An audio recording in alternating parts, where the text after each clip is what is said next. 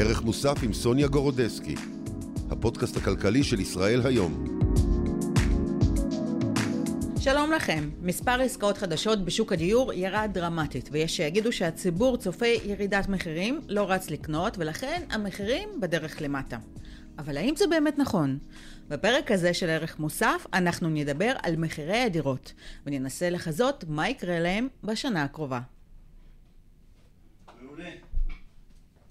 עוד פעם או שזה בסדר? לא, נראה לי יש לנו את זה, לא צריך עוד פעם. תודה.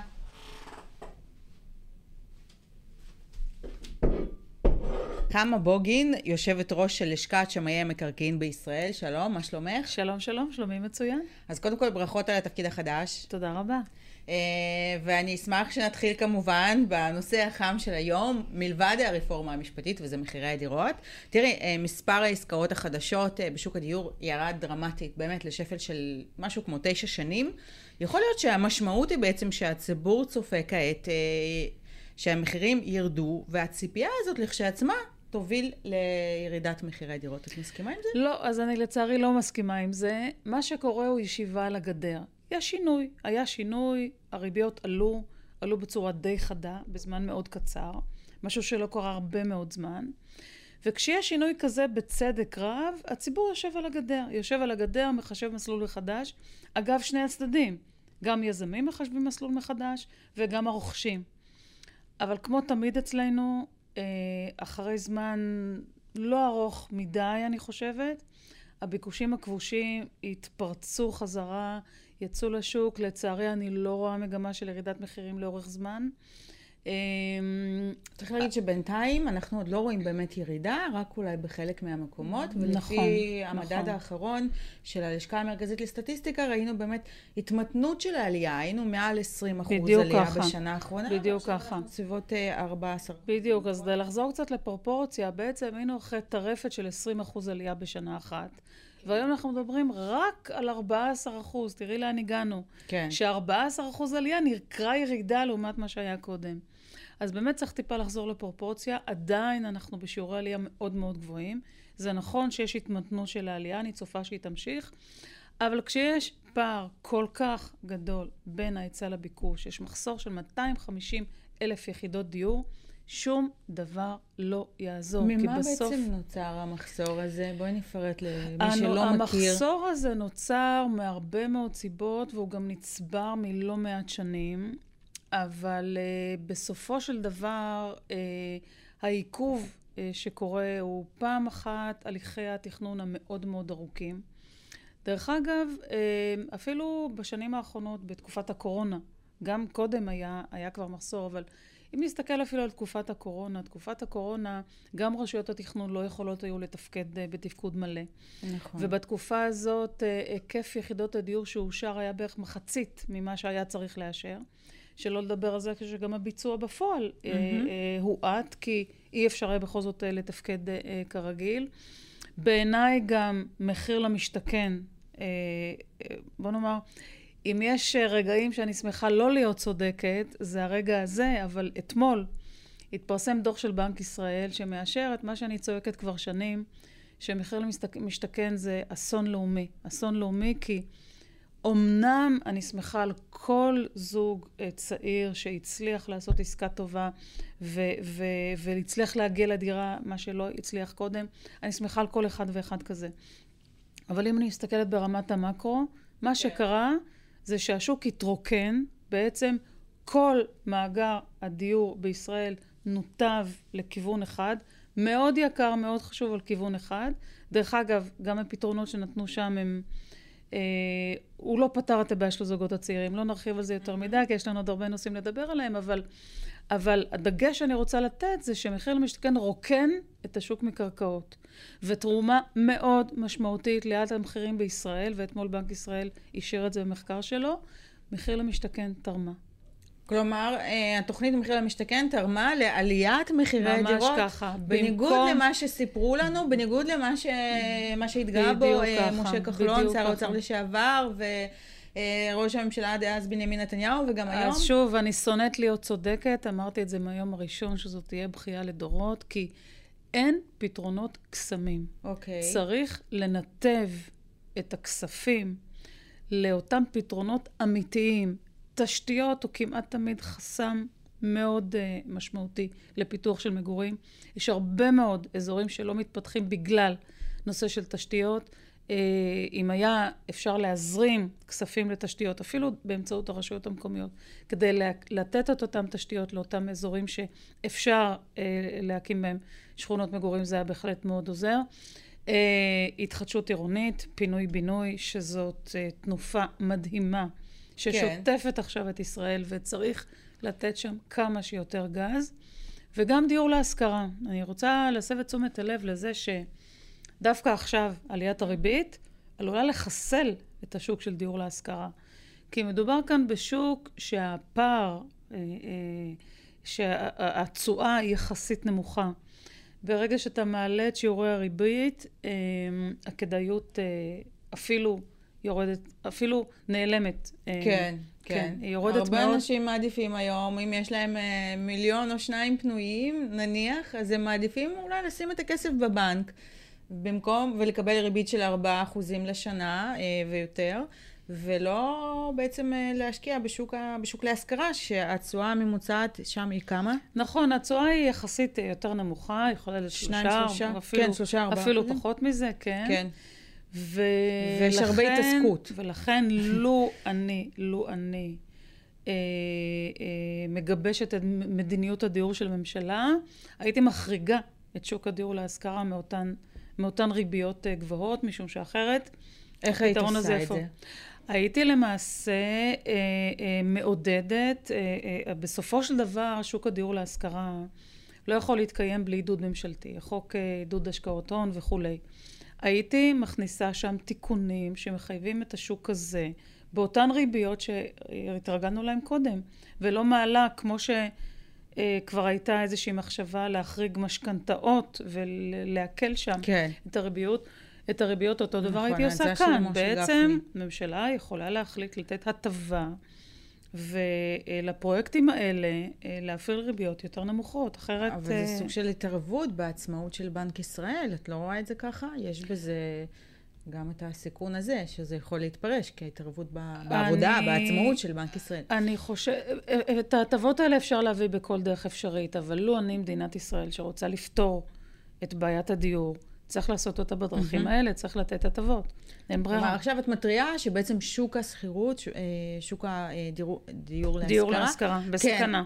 כן, בסכנה. בסכנה, בהחלט. כתוצאה מ... ואם את שואלת אותי, אז שני הפתרונות הקונקרטיים שאפשר לדבר עליהם למשבר הדיור, זה פינוי-בינוי, התחדשות עירונית ודיור להשכרה. את צופה שדרך אגב, שדמי השכירות החודשיים אה, עוד יעלו, ימשיכו לעלות? אז זהו, תשמעי, אני רוצה להגיד לך שאני כבר אומרת הרבה זמן, שאם פעם לקנות דירה, עד לא, אם, אם עד לא מזמן אמרנו שאי אפשר כבר לקנות דירה, ש, שקניית דירה הופכת להיות משימה בלתי, בלתי אפשרית. בלתי, לגמרי. אני רוצה לומר לך שגם לשכור דירה מתחיל להיות מאוד מאוד מורכב. אני שומעת מאנשים צעירים וזוגות צעירים, שמאוד מאוד קשה אפילו גם כן. לעמוד בדמי השכירות. ולכן חייבים לייצר פתרונות אמיתיים. שוב, אין פתרונות קסמים, זה לא יקרה ביום אחד. אבל אם ימשיכו עם ההגרלות, ועם המחיר למשתכן הזה, ומחיר ל... כל, לא חשוב איזה שמות נרדפים ייתנו לדבר הזה, לא נגיע לשום מקום. צריכים להיות פתרונות יותר אה, ריאליים. הבנתי, אבל בואי נתעכב עוד קצת על שוק השכירות. בעצם אה, באוצר יש כוונה, וכבר חוק ההסדרים אה, עבר בממשלה, את אישור הממשלה, ועבר בקנה, בקריאה הראשונה בכנסת. נכון. אה, יש שם גם אה, אה, כוונה לטפל בשוק השכירות. אה, ואחד הדברים, אחד השינויים שהם רוצים להכניס, זה אה, בעצם הדיווח של משכירי הדירות. מה, איך את רואה את זה? תראי... לרשות אה, המיסים. כן, תראי, אה, זה בסדר לנסות אה, אה, אה, אה, להפוך את שוק השכירות לשוק אה, שקוף יותר, זה בסדר. אבל היו בעבר גם רעיונות לנסות להגביל את דמי השכירות וכולי. צריך פה דווקא, אפרופו השאלה הקודמת שלך, צריך פה דווקא מאוד מאוד מאוד מאוד להיזהר מלהתערב בשוק החופשי. לייצר שקיפות, דיווחים וכולי, זה בסדר, אבל, אבל להתערב מעבר לזה, בגובה דמי השכירות, דברים מהסוג הזה, זאת כבר התערבות מסוכנת. בסופו של דבר, הממשלה צריכה לעשות את התפקיד שלה ולספק דירות. Mm-hmm. אם יספקו דירות ואם יהיה היצע מספיק משמעותי, כל השאר יתייתר ממילא. כן. הממשלה צריכה להתרכז בעיקר. אוקיי, okay, דיברנו כאן על, על ירידה במספר uh, העסקאות, מספר הרכישות בשוק הדיור, uh, אבל אנחנו גם רואים במקביל בעצם ירידה חדה uh, בהתחלות בנייה. זה גם דבר שהוא מסוכן, וממה זה נובע? נכון.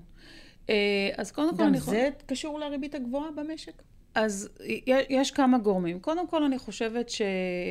תראי, כשמגיעים להתחלות בנייה, לא מהיום להיום. מגיעים. להתחלות כן. בנייה אחרי תהליך קודם של אישור תוכניות וכולי. מאוד יכול להיות שאנחנו מרגישים עכשיו גם את, עדיין את הספיחים של ההשפעה של שנים קודמות שבהם אושרו פחות תוכניות. אבל בהחלט, בהחלט, עליית הריבית משפיעה גם על שיקולים של יזמים, שגם הם חושבים פעמיים. חושבים פעמיים להתחיל היום את הפרויקט או להמתין טיפה. זה בהחלט... בגלל שיקולי המימון בעצם בהחלט, לוקח להם כן. יותר... אה, שיקולי מימון, כן. אה, גם הם מחשבים מסלול מחדש, אה, כן, שיקולי מימון, אולי הם מעדיפים להמתין קצת כדי שהדברים יירגעו, או שנערכים מחדש באמת עם כל השיקולים המימוניים של הפרויקט. כן. איך משפיע האקלים הפוליטי על שוק הנדל"ן לדעתך? האם יש בכלל השפעה? אנחנו... אה, קצת הכל נרגע, צריך להגיד, אה, אחרי אה, יומיים מטורפים שהיו כן, כאן, אה, עם כן. ההפגנות ההמוניות בעד ונגד הרפורמה, בעיקר נגד הרפורמה, אבל גם בעד, והשביתה הכללית במשק, ולפני זה שמענו את האזהרות של חברות הדירוג, ושמענו דיווחים על הוצאות כספים לחו"ל.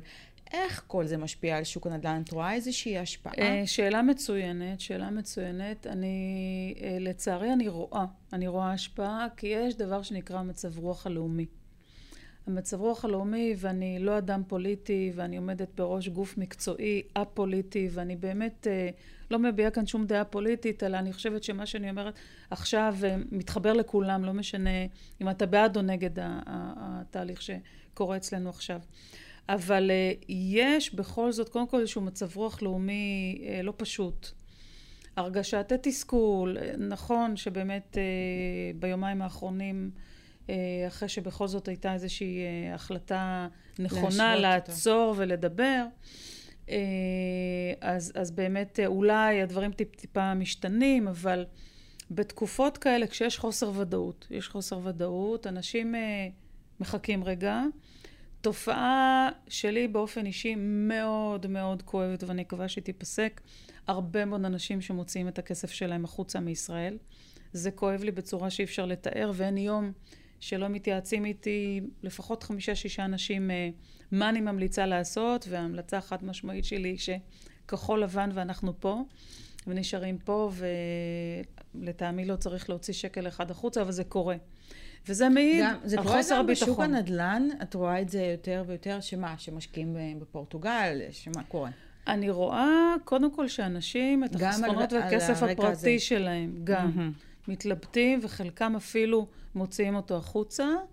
ובדיוק באותה מידה, גם, כן, כן, מתלבטים. כלומר, כלומר בעיניי... כלומר, לא רק הייטק, אלא גם אה, יזמים אה, בשוק הנדל"ן, יכול להיות שגם הם מושפעים מהאקלים הפוליטי. כרגע זה יותר משקיעים, אני משערת שגם יזמים, אבל כן, בוא נאמר שכשיש חוסר ודאות, זה משפיע לא טוב. וזה גם עניין של מצב רוח לאומי. המצב רוח הלאומי לא טוב, לא טוב. אה, אני מאוד מקווה שאנחנו בדרך לעלות בחזרה למעלה, מאוד מאוד מקווה. אבל אה, יש לזה בהחלט השפעה. בסופו של דבר, הכל פסיכולוגיה. בסופו של דבר, הכל פסיכולוגיה. גם שוק הנדל"ן. גם שוק הנדל"ן הוא פסיכולוגיה, וכשאתה ניגש, שוק הנדל"ן מדובר תמיד בהשקעה משמעותית. וכשאתה ניגש להשקיע השקעה משמעותית, אתה צריך לעשות את זה במצב רוח הנכון, אתה צריך להרגיש את האנרגיה הנכונה, אתה צריך להרגיש, בסדר, חוסר ודאות זה חלק מהעניין, זה אולי מה שעושה את השוק הזה למרתק, בעיניי זה הדבר כן. הכי מרתק עלי אדמות, שוק הנדל"ן, אבל, אבל אמ, באמת אה, האווירה אה, מקשה. אווירה כן, מקשה. אבל כן. בשלב זה אמרת, מדובר עדיין לא ב, ביזמים, אלא במשקיעים, כך שאולי יותר... זה אפילו פועל איפשהו לטובת אה, מחירי הדירות. Uh, אני לא יודעת, תראי, גם בזמנו כשכחלון, או כשהיו החלטות ממשלה שנלחמו במשקיעים כאילו הם אויבי העם, גם אז לא אהבתי את זה. אני חושבת שכל שקל כחול לבן צריך להישאר כאן, בקטנטונת הנדירה והמהממת שלנו, שאי אפשר איתה ואי אפשר בלעדיה, מדינת ישראל. כן. אה, אני לא אוהבת שכסף יוצא החוצה, לא משנה למה. ברור, ברור, אה, גם אני לא. אה, טוב, אנחנו דיברנו הרבה על המחיר למשתכן, אבל בעצם התוכנית שכרגע מקדמת הממשלה במרץ היא הדירה בהנחה. מה את חושבת על התוכנית הזאת? בכל זאת יש אה, הבדלים מהמחיר למשתכן. אותה גברת בשינוי אדרת. אין פתרונות קסם. כי מה שקורה בתוכניות האלה, את לא מצליחה באמת לכוון את השוק למקומות שאליו אנחנו רוצים, למקומות שאליהם אנחנו רוצים להגיע. את בעצם אה, מוציאים לשיווק דירות או קרקעות איפה שיש, ולא בהכרח איפה שצריך. את הופכת את הזוגות הצעירים של היום למשקיעים באזורים שלא בטוח שיראו איזושהי תשואה בהשקעה שלהם. ובעיניי זה פתרון אה, לא נכון. הפתרון הנכון צריך להיות להחליט איזה אפיקים בשוק רוצים לקדם, ואת הכסף לקחת לשם. כן. אם נחזור לרגע למחיר למשתכן, 11 מיליארד שקל שהוצאו על התוכנית הזאת, ובסוף המחירים עלו. מה עשינו בזה? אוקיי, אבל נגיד, אני עכשיו זוג צעיר, אה, נניח, אה, ואני רוצה להירשם למכרז של דירה בהנחה. אה, ואני באמת שומעת שיש אה, הנחות נהדרות. את לא ממליצה? תראי, הכל מאוד סובייקטיבי. כן. אני לא יכולה להגיד אה, על משהו שאני לא ממליצה בעצם, מה החסרונות פעם. בזה עבור הזוגות הצעירים? אני לא מדברת כרגע על מחירי הדירות, כן. ואיך זה ישפיע על מהמם, המגובות הכלליות, מהמם. אבל אה, באופן, אה, בפן הצרכני, זוג צעיר חושבת, שרוצה או, לרכוש אוקיי, דירה, בדיוק. אם אנחנו כבר מדברים בפן הצרכני, זוג צעיר שמתלבט, כן. בין אם ללכת לדירה בהנחה או להפיק השקעה אחר. אני יכולה להגיד באופן כללי, שהדברים שאתה צריך לבדוק כאשר אתה ניגש לפרויקט מהסוג הזה, הייתי אומרת בעיקר אה, שני דברים. אחד, זה האם הדירה זמינה היום, מהמם. כי הרבה מאוד פעמים אתה מגריל דירה שאולי בעוד שבע שנים תוכל להתחיל לראות את התוכניות אולי. ובינתיים צריך לשלם לשלם על שכירות, השכירות. לשלם ארנונה, הריביות עולות, הכל מהמם, בסדר. מהמם. אה, זה דבר אחד. דבר שני, אה, לבדוק היטב את הסטנדרט של הדירות, כי הרבה מאוד פעמים, את- שוב, גם פה אין קסמים. זול, הרבה פעמים הוא זול. כן. וכדי שאפשר יהיה לבנות אה, דירה יותר זולה, הרבה מאוד פעמים אה, חוסכים בשטחי ציבור, חוסכים... צריך לשים, לתת את הדעת לסטנדרט של הבנייה, כדי לא לרכוש מוצר פגום. הייתי מייעצת לאותו זוג צעיר לבדוק בעיקר את שני הדברים האלה, מול אפיקי השקעה אחרים, ואז להחליט לפי זה אם ההנחה מצדיקה מבחינתם את הסיכונים ורוב שדיברתי הדירות עליהם כרגע קודם. במכר- בהגרלות האלה הן בעצם לא דירות בזמינות אה, נכון, מיידית, נכון. נכון? אלא צריך להמתין אה, את כמה היית שנים. מאוד עדינה, נדמה לי כן. שדובר על זה שבשנה שעברה 4% מהדירות שהוגרלו היו זמינות, משהו כזה, אנחנו לא מדברים על 80%. מהמם. מדברים בעצם על הגרלה על הנייר, תכלס. אוקיי. פשוט על הנייר. טוב, כן. מעניין, אז זה צריך כמובן לעשות בדיקות, גם אחרי לתת- שזוכים אה, בהגרלה, צריך ממש באמת ככה, לעשות את הבדיקות ככה, האלה ולראות עד כמה זה ואנחנו משתלם. דרך אגב, אנחנו רואים דרך אגב אה, פרויקטים שיש אפילו עשרות אחוזים של ביטולים, אחרי שאנשים מבינים. שאתה צריך לחכות הרבה מאוד שנים, ולא בטוח שזאת תהיה דירת חלומותיך. בסופו של דבר אסור לשכוח, פרויקט כזה של רכישת דירה, הזוג הצעיר, ולרוב גם ההורים וכל המשפחה מסביב משועבדים למשכנתה לתקופה מאוד ארוכה. וצריך להחליט עד כמה רוצים להתפשר עם העניין הזה. טוב, אה, שאלה לסיום. תראי, את, אה, יש לך ניסיון של יותר מ-30 שנה בשוק הנדל"ן, נכון? נכון. ואת עומדת אה, בראש ארגון מקצועי של לשכת שמאי המקרקעין. כלומר, בעצם העבודה העיקרית של, של שמאי זה להעריך את מחיר הדירה. אז מה התחזית שלך לשנה הקרובה מבחינת מחירי הדירות? כן. אז קודם כל, אה, שמאי מקרקעין, אמנם הוא הגורם היחיד שמוסמך להעריך שווי של נכסים, אבל אה, מה שאנחנו עושים הוא הרבה הרבה הרבה מעבר לזה. בעצם שמאי מקרקעין מלווים הליכי תכנון, מלווים הליכים שקשורים ב- בתחום הדיור אה, מראשיתם עד סופם. גם נושא של תכנון של תב"ע, גם נושא של פרויקטים של התחדשות עירונית שאנחנו מלווים מההתחלה ועד הסוף. אה, ועוד באמת הרבה מאוד, אה, והשאיפה שלי היא באמת אה, שנהיה גורם הרבה יותר משמעותי ומוביל גם בקביעת מדיניות הדיור, דיברנו על זה לא מעט, אני מתכוונת להקים קבינט דיור של הלשכה שלנו מיד אחרי החג, ואנחנו נהיה הרבה יותר פעילים גם בנושא הזה. יש כבר קבינט אני, דיור לא... של הממשלה בעצם, נכון? אבל אני מבינה שהוא לא התכנס עדיין. אז זהו, יש בינתיים הרבה שמות, תארים, הגדרות. אה, בתקופה של היום הדברים הם... אה, אה, המערכת הפוליטית שלנו עסוקה, עסוקה אה, בדברים אחרים, או אפילו בקיום שלה עצמה. לגמרי, פחות. היית כאן עדינה, פחות, כן. כן. אוקיי. פחות, אז, אבל אז אני נחזור מאוד... לתחזית. אבל בדיוק, אבל אני לא אתחמק מהשאלה נכון. שלך. לא אתחמק מהשאלה שלך. אני צופה שבשורה התחתונה המחירים ימשיכו לעלות, אמנם בצורה יותר מתונה ממה שהיה קודם, אבל אני לא רואה ירידת מחירים באופק. בשנה הקרובה את לא רואה ירידת מחירים. אני לא רואה, אני רואה רק התמתנות של העלייה, זה מה כן. שאני רואה. כן. את יודעת, בתחילת השנה עשיתי כתבה, אה, באמת שאלתי את שלושת הבנקים הגדולים בישראל, את ה... אה, ראשי אגפי המשכנתאות אה, וכולי, מומחי נדל"ן בכירים, אמרו לי ככה שהתחזית שלהם זה לא רק התמתנות, אלא באמת שנתחיל כבר תוך, ב-12 החודשים הקרובים, נראה ירידה אה, בסוף השנה הנוכחית של מחירי הדירות. אה, את אומרת שעדיין אומנם, לא... אז אני אומנם לא אדם לא אופטימי, אני אומנם מגדירה את עצמי כאופטימית חסרת תקנה. אבל אני לא רואה ירידה. אני מדברת כמובן בממוצע כלל ארצי, זה לא שלא נראה תיקונים כאלה ואחרים באזורים מסוימים, אבל עדיין הפער בין ההיצע לביקוש הוא כל כך דרמטי, כן. שקשה מאוד להתגבר עליו. אוקיי, תודה רבה. אה, נחמה בוגן, יושבת ראש של לשכת שמאי המקרקעין בישראל, תודה רבה ששוחחת איתנו. תודה לך. ותודה רבה לכם, ואנחנו נתראה בפרק הבא. ערך מוסף עם סוניה גורודסקי, הפודקאסט הכלכלי של ישראל היום.